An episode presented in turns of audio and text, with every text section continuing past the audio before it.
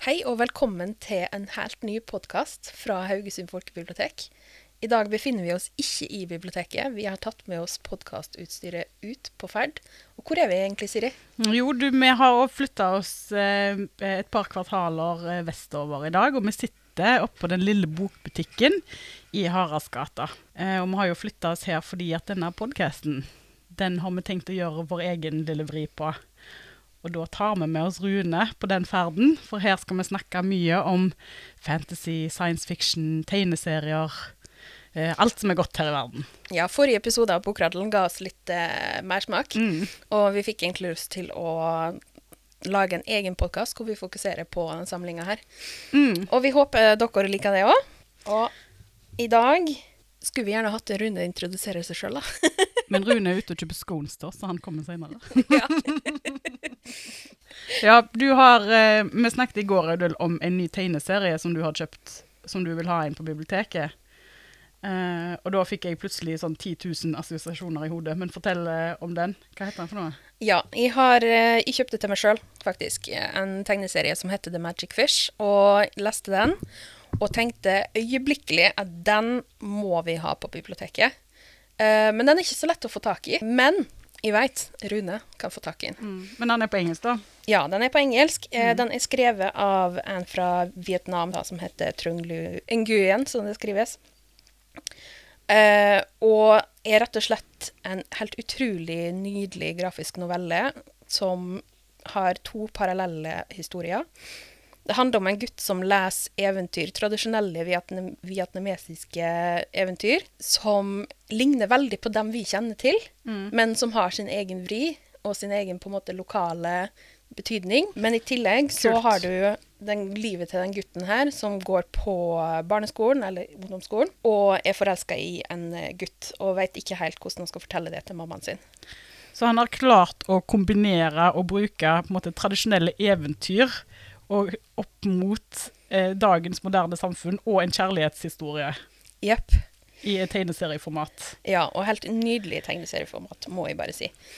Fordi når du fortalte meg litt om denne her i går, eh, så fikk jeg umiddelbart assosiasjoner til Sean Tan og hans eh, eh, vakre, vakre ankomsten, eller The Arrival. Og det er jo fordi, sånn som du beskrev den boka til meg, da, så handler det òg det, det om å stå utenfor fremmedgjøring og komme til noe helt nytt. Um, og uh, Sean Tan er jo en forfatter som jeg syns er veldig underkommunisert i hvor utrolig vakkert billedspråk han er, har. Mm. Vi har jo litt bøker av han på biblioteket. Ja. Ikke bare 'Ankomsten', men eh, en eh, bildebok til som vi har på Unge voksne-avdelingen. Mm, ja, du tenker på den fortellinga fra Indre by? Ja. Mm. Han eh, er jo en australsk barnebokforfatter, illustratør, eh, egentlig. Og den eh, ankomsten som jeg snakket om, den er jo om noen eh, klassifisert som en barnebok. Eh, vi har ikke gjort det. Og jeg syns jo den tematikken som er i den, òg er like gyldig for voksne. Eh, unge voksne som for barn. Jeg tror at folk bare, Det er en sånn bok som folk vil lese forskjellige uh, ting ut av. Det er jo ingen ord, han bruker ikke ord.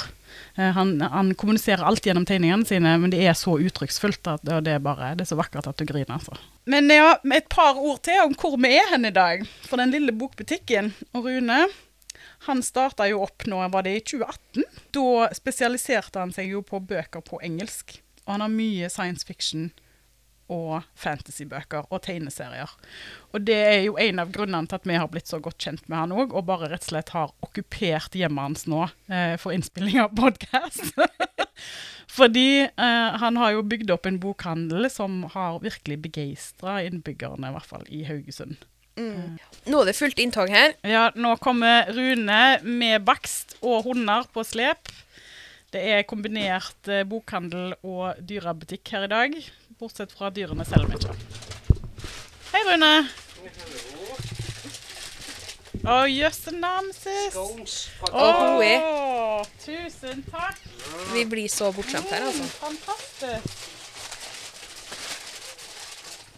Hallo? Ja, vi eh, har eh, snakket litt om nye tegneserier, og, og eh, Audhild har jo kommet med bestillingsønsker til deg allerede. Det er meg. The Magic Fish, klarer du å Fish. skaffe den til meg? Hva skjønne det. Ja, kan skjønne det. Ja. Så den skal det gå an å bestille allerede mens du hører podkasten her nå. Yes. Om den så ikke har kommet, så går det fortsatt an til å sette seg på venteliste. Anbefales på det sterkeste. Å ja. Men du, Rune, meg og deg snakket om ei bok her en dag. Hva var det nå igjen? Eh, Blant annet Obamas si, si, si favorittbok, eller Det er en kineser da, som som ble oversatt. Nå er det jo en del nye kinesere som blir oversatt til engelsk, for de har et litt sånn stort miljø for sci-fi. Men Ja. spesielt innenfor short, eh, short story, da. Det ble gjerne en flopp, men det var den dyreste filmen kineserne prøv, prøvd å lage. Hva da? Er det denne? Three, det er Three Body Problem, da, av uh, Sixin Liu. Ja, den har jo jeg begynt på, men der må jeg innrømme at jeg har ikke klart å fullføre den. Det var noen som nevnte nå han var blitt endelig Den er ganske tung, er han ikke? oversatt til norsk. han er, jeg er jo, har vært veldig glad i dystopier eh, veldig lenge. Og eh, det var, du, var det du, Audhild, som anbefalte den til meg, eller var det deg, Rune? Nå husker jeg ikke. Jeg, Det kan ha vært begge to, Ja. egentlig. Jeg anbefaler den, den eh, til alle, på en måte. Jeg likte den jo veldig godt, det er ikke det, men det er en ganske uvanlig eh, sånn dystopi. Han er veldig moderne skrevet, på et vis. I forhold til sånn som mange andre tenker på hva dystopier er for noe. Ja, han, han er jo Hvis jeg ikke tar helt feil, så, så er han jo litt Han er vel astrofysiker, så det er vel det du kan kalle for hard, hard sci-fi på visse deler. Det som er litt kjekt med boka, hun begynner jo eh, Hva kan du si? Kulturrevolusjonen i Kina. Det begynte i den tida med vi begynte å sende ut radiosignaler, alt mulig. Hvem vi var, hvor vi bodde og alt mulig sånt. Eh, det var jo en debatt òg. Var det så veldig lurt hvis noen fanger opp dette her? Ja. Så da er vi jo så uheldige, da, at vi det, det er en annen sivilisasjon på det nærmeste solsystemet til oss som på en måte Kommer på besøk. Ja, for de, de står overfor en katastrofe, så de kan faktisk ikke de kan faktisk ikke eksistere der om en kort tid lenger. Så de må jo ha noe nytt. Så de var så heldige at de, de fikk noen kjekke signaler for oss. da. Ja. Så de er på vei. Jeg har tenkt å fullføre den boka jeg har, derfor jeg likte den egentlig veldig godt. Og måten de fletter sammen kinesisk historie med eh, vitenskapshistorie og eh, altså teknologi og, og moderne problemer som vi har i dag òg, da. Det er jo kjempespennende. Altså det, det som er fascinerende med den, du følger jo du følger jo over lang tid, så du ser hva som er samtidig. Først så har vi jo panikk, og så tror vi det er dommedag, og så glemmer vi, og så er det på'n igjen, og så Så det er på en måte litt sånn Beskriver samfunnet i dag òg, samtidig da som det er skummelt, i hvert fall. Ja, det er jeg helt enig i. Og det er jo litt sånn eh, Vi snakker om dystopier. Hva er appellen der, egentlig? Ja, jeg har jo jeg har lest dystopier veldig lenge. Jeg er veldig glad i det. Men det, det, er, det er en sånn der eh, innrømmelse. Jeg leser de litt grann av samme grunn som at jeg av og til ser på Luksusfellen. Ja. Og i hvert fall nå, midt under pandemien. At jeg, det kunne vært verre. ja. ja, det er jo en trøst, på en måte. Ja, men jeg syns det er noe eh, Det er kanskje litt sånn der eh, bekymringsfullt, men jeg syns det er noe dypt fascinerende av eh, samfunn som går til grunne, og hvordan det blir bygd opp igjen. Og eh, måten de klarer å beskrive verden på eh, Ja. Men det, det er så endring nå, når jeg, når jeg er vokst opp gammel mann, vet du. Da var det jo alle dystopier bygde på at det hadde vært en atomkrig, Ja. utslettelse. Men en del av dystopiene som kommer nå, har ikke det temaet i seg. Nå er det jo gjerne mer virus og, og litt sånn Ja, sant. sånne ting. ja. Vi går nok i Eh, en pandemibølge der òg, ja. Ja, også innenfor ja, sci-fi så. Ja. Så jeg tenker innenfor sci-fi òg nå, så er det jo en del sånt at er, det, er det på en måte en sånn galaktisk politi som passer på oss at vi ikke bryter visse barrierer, eller ødelegger Gaia, hvis du kan kalle galaksen vår for at vi henger sammen på en vis. Så da, er, blir det blant annet en som Alistair Reynolds, som òg skriver fantastisk reell Altså, han nå er faktisk eh, høyt Han er jo astrofysiker, han òg. Så de bruker ofte teoriene sine gjerne til, til, å, til å leke med, på en måte. For å gi de bilder istedenfor bare tall. Mm. Ja, for vi snakket om eh, sånne dystopier som vi er vant til å lese med atomkrig og sånn, og, og det klassiske eksempelet der, eller for, eh, for yngre mennesker i hvert fall, er jo Hunger Games. Både bøkene og filmene. Ja, Hunger Games eh, starta jo en helt enorm bølge hvor det var liksom Du fikk Maze Runner og Mm. Divergent og Ja. alt sånt der. Og alt, alt ble gitt ut på norsk, og alt kom på film. Og Mm. Jo, og så tiltalte det jo en, en, en lesergruppe som på en måte er altså kanskje litt yngre, da. mm. Enn for den klassiske boka som jeg tenker på hvis noen sier dystopi til meg, det er jo 1984. Ja, absolutt. Uh, George Orwell. Og den uh, tar jo for seg fordi at det som er på en måte kjennetegnene på en dystopi, da, uh, det er jo at det skal foregå i fremtiden. Og eh, fremtiden har gått til helvete. Ja. det, eh, ting er ikke rosenrødt. Eh, og veldig ofte så er det vår feil, altså menneskene eh, sin Mm. feil, at verden har gått til helvete. Men du finner jo òg eh, en stor sjanger med dystopier der det er naturårsaker, men da er det gjerne klimaendringer som har ført til det. ja, så i bunn og grunn så er det oss likevel. Det er oss, ja. Eh, og veldig mange eh, dystopier, om de så er skrevet eh, i eh, 1910 eh, eller i dag, så kan du dra paralleller til den tida vi lever i. Fordi at den, det de beskriver, det er jo et samfunn som har gått til grunne, og som må bygges opp igjen. Mm. Eh, Mye pga. ting som foregår i dag. ja, og det er jo merkverdig hvor aktuell 1984 fortsatt er. Og 1984, når var det den ble skrevet, da? 1949. Ja. Den er fortsatt dagsaktuell. Det er ganske Jo, men det er jo sånn, og det er en bok som vi sier Jeg føler, altså Siden jeg leste den første gang, så har alle sagt ja, men den har aldri vært så aktuell som den er i dag. Og det kan du på en måte gjenta hele tida. Og det er jo nesten òg et sjangertrekk ved Ja. eh, den type science fiction-dystopier, at de er eh, evig aktuelle. ja, du kan jo si det samme om uh, The Handmaid's Tale til Margaret Atwood. Absolutt. Altså den, nok en gang, veldig dagsaktuell. Ja. Men du, hva var det Fordi vi snakket om den her en dagen, og da sa du til meg at Margaret Atwood hadde sagt at alle de tingene som har skjedd i uh, uh, Handmaid's Tale Bøkene. Ja, bøkene, ja. Som jo er på en måte ganske grusomme ting. Eh, og som folk eh, gjerne omtaler som utrolige og eh, Altså, sant, dette her er jo Det er jo fantasi. Mm. Så sa du at alt, alle handlingene bygger på reelle hendelser. Ja. De har bare ikke skjedd i, eh, samtidig, til samme tid og på samme sted. Ja. Og det ble jo jeg litt sånn sjokka over. Ja, for det, altså, hun sier det sjøl at det liksom, ingenting av det her er funnet på. Alt har skjedd. Det, Uff. ja, det er litt å ta inn for seg. Ja. Og så samtidig med tanke på hvor gammel den boka er. Selv om TV-serien er jo kjempeny, men Men la oss presisere at dette her ble sagt om bøkene, ikke om TV-seriene. For TV-serien eh, viker etter hvert ganske mye fra bokformen. Ja. eh, Men ja, vi tok jo og prøvde å finne definisjonen på dystopi på nettet, vi. Ja, vi gjorde det. For Og det, ble- jeg, likte ja. egentlig veldig godt den beskrivelsen du fant, den der 'et ikke godt sted'. Og så fant vi på, på Det Det norske leksikon. Ja, på Ja. Norsk leksikon, og eh, en sammenfatning av Wikipedia og Store norske. Um, men det kommer, altså ordet dystopi kommer fra eh, det engelske ordet dystopia. Eh, og det ble først brukt av den engelske filosofen John Stuart Mill i 1868. Og det beskriver altså da et anti-utopia. Eh, Av gresk utopia, altså et godt sted. Og da blir det altså et ikke godt sted, betyr dystopi i utgangspunktet.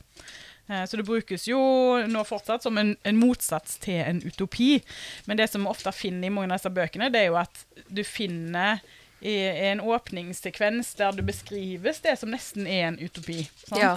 At det er gjerne et samfunn som eh, har gått til grunne, blitt bygd opp igjen, og, men da sitter du gjerne med et styre eller med en slags samfunnsoppbygning som egentlig ikke fungerer. Og da er du jo tilbake igjen på f.eks. The Hunger Games.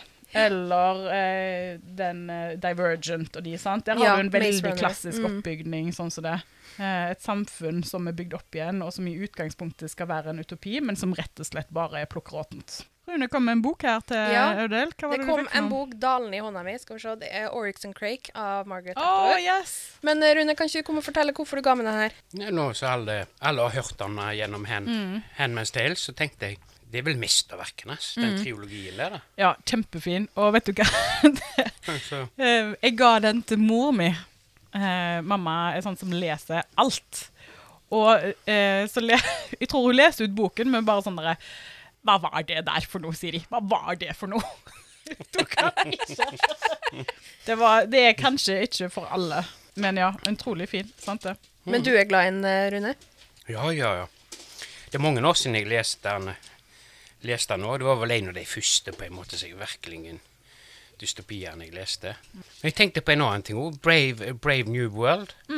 Det, det er jo litt sånn Teknologien er jo, er jo her nå. At vi kan omtrent eh, Vi har nesten redskapet til å bygge de menneskene vi vil. Ja. Vi Trenger ikke reagensrør og varme de opp, sånn som i denne akkurat. Men det går på samlebånd. Men vi har, vi har jo fått uh, teknologien. Og så hvis noen bryter for dem det er sånn etiske regler der, så Det som faren gjerne med når vi tuller med gener, det er det at det, de går jo over landegrenser, og genet vil du ta med deg videre når du får barn igjen. Så det er, er det en galning som sitter en eller annen plass. Så.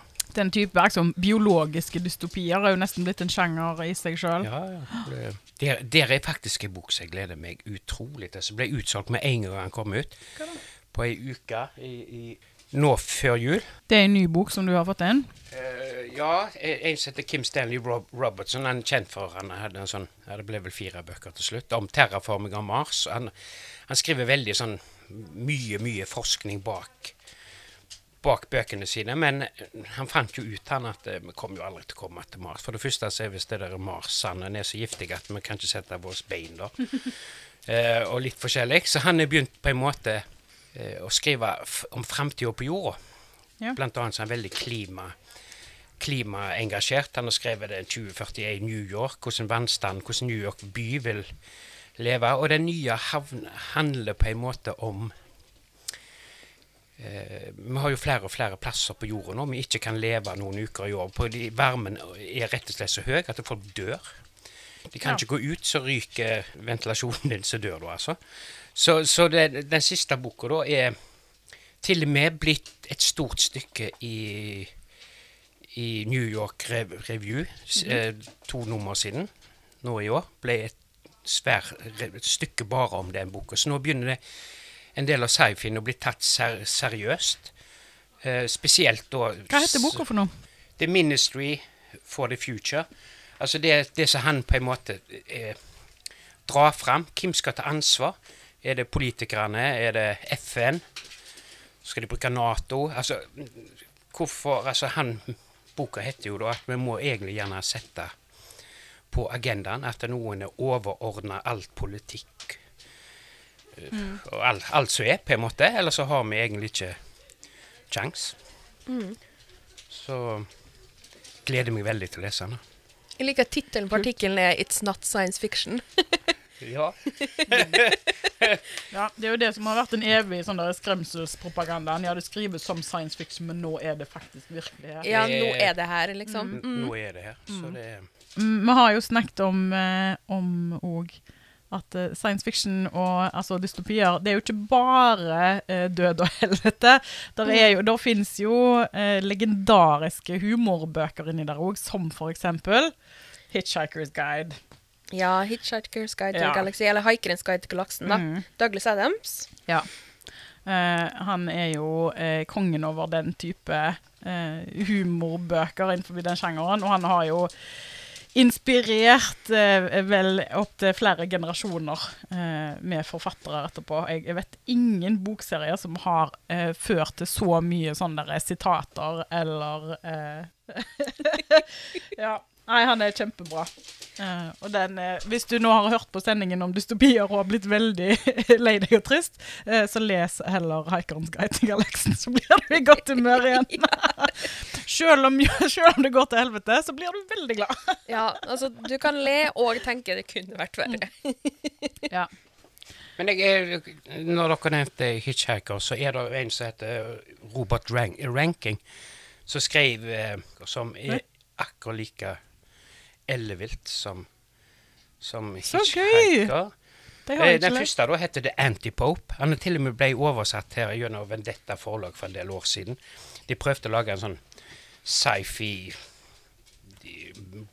da, med, med norske oversettelser. Blant annet så oversatt de Vi grabber hvetebøkene. Ja. Vi vil ha dem. Ja, blant annet så oversatte de alt fra uh, Brentford. Hyperion til Snow Crash med Neil Stevenson. Altså masse sånne klassiske. Men de, de, de Ja, veldig bra, Rune. Denne tar jeg med meg hjem i dag, faktisk. Ja, jeg vet jeg er misunnelig. Har du lyst til å lese den på nytt, ja?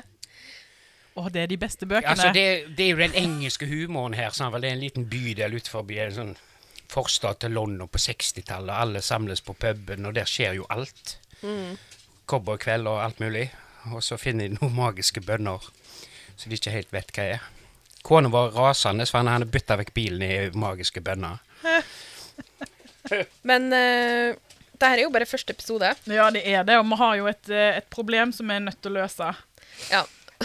Og det, altså, vi har vi er ikke evne til å navngi ting. Nei, vi Men prøver kan, med eh, kan ikke folk komme med forslag, da? Veldig gjerne. Eh, det som vi har jo prøvd å tenke oss hva kan vi Ja. Og det blir liksom litt sånn der lange, tungvinte titler her. Mhm. Og så tenker vi ja, vi skal spille på noe Ja, vi vil ha et eller annet som referere refererer liksom. til et eller annet som alle kjenner til. mm. eh, Eller iallfall de fleste som er interessert. Men som samtidig er som en sånn easter egg.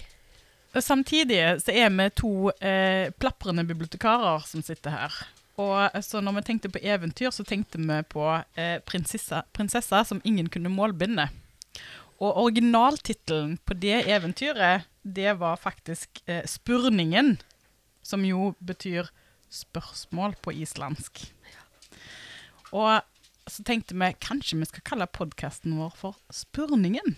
Skriv til oss på sosiale medier. Da er det bare å si goodbye and thanks for all the fish. Ja, takk for fisken.